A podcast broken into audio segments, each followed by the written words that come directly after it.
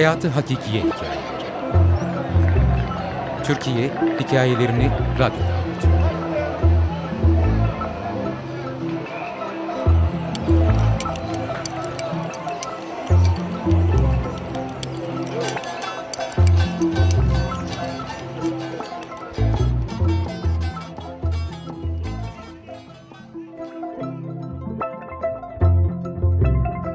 Eve dönüş.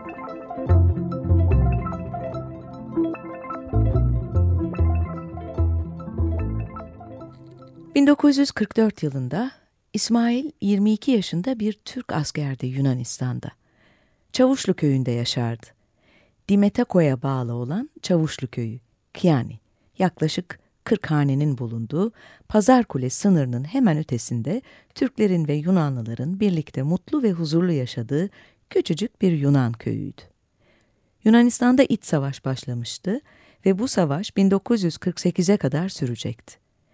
Yaklaşık bir ay boyunca Yunan bir arkadaşını evinin çatısında saklamıştı İsmail.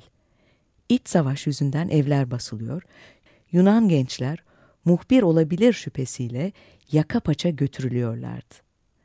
Türk evleri aranmadığı için İsmail arkadaşını çatıya saklamış, ona kucak açmıştı.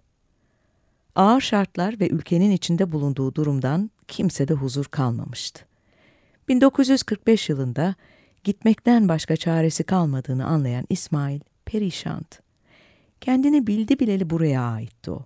Bu topraklara, bu insanlara, bu evlerin çatılarından yükselen zeytin ağaçlarına.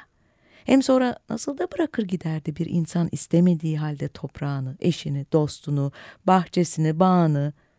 Diyelim ki kendini attı Meriç'in azgın sularına. Koyunlarını ne yapacaktı?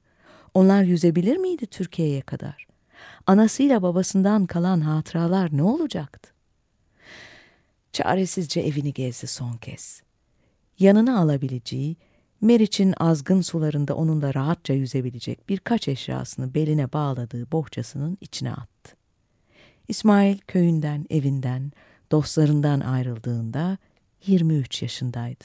Üzgündü, kırgındı ve daha önce bu köyden dışarı adım atmamıştı.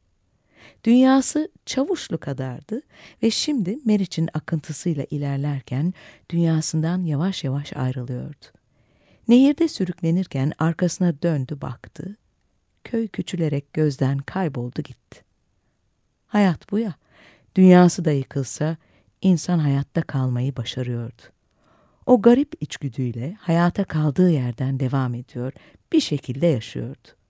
Akıntı İsmail'e sınırın hemen ötesinde bir başka köye kadar eşlik etti. Yıllarca o köyde yaşadı. Kendine bir hayat, bir aile kurdu. Çok da mutlu oldu ama köyünü, dostlarını, koyunlarını hiç unutamadı. 86 yaşına geldiğinde artık iyice yaşlanmıştı.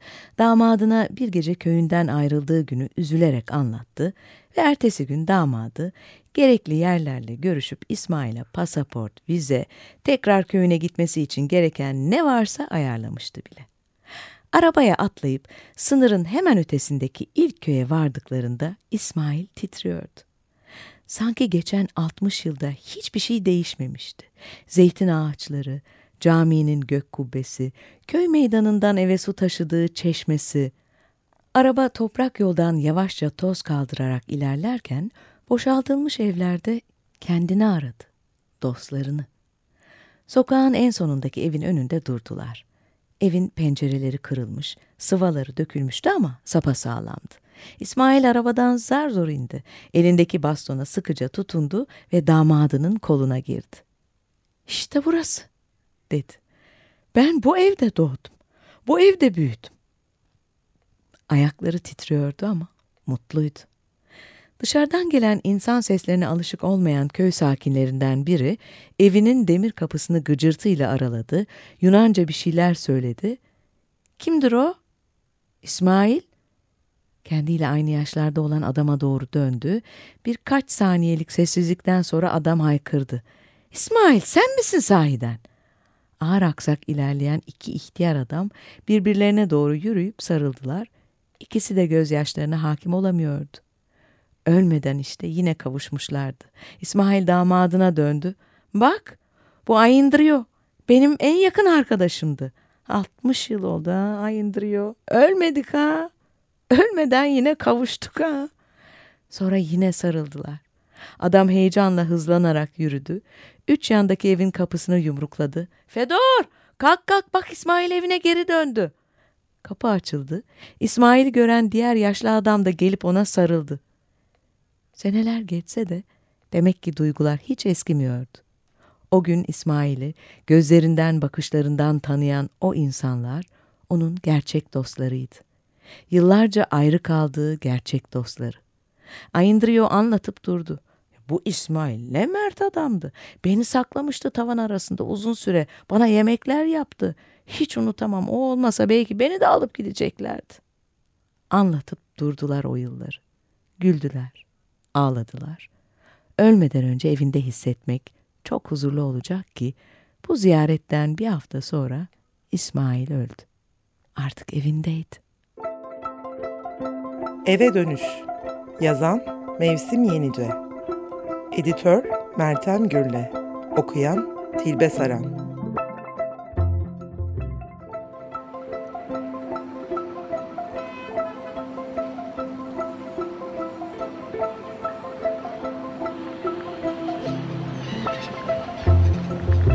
Hayatı Hakikiye Hikayeleri.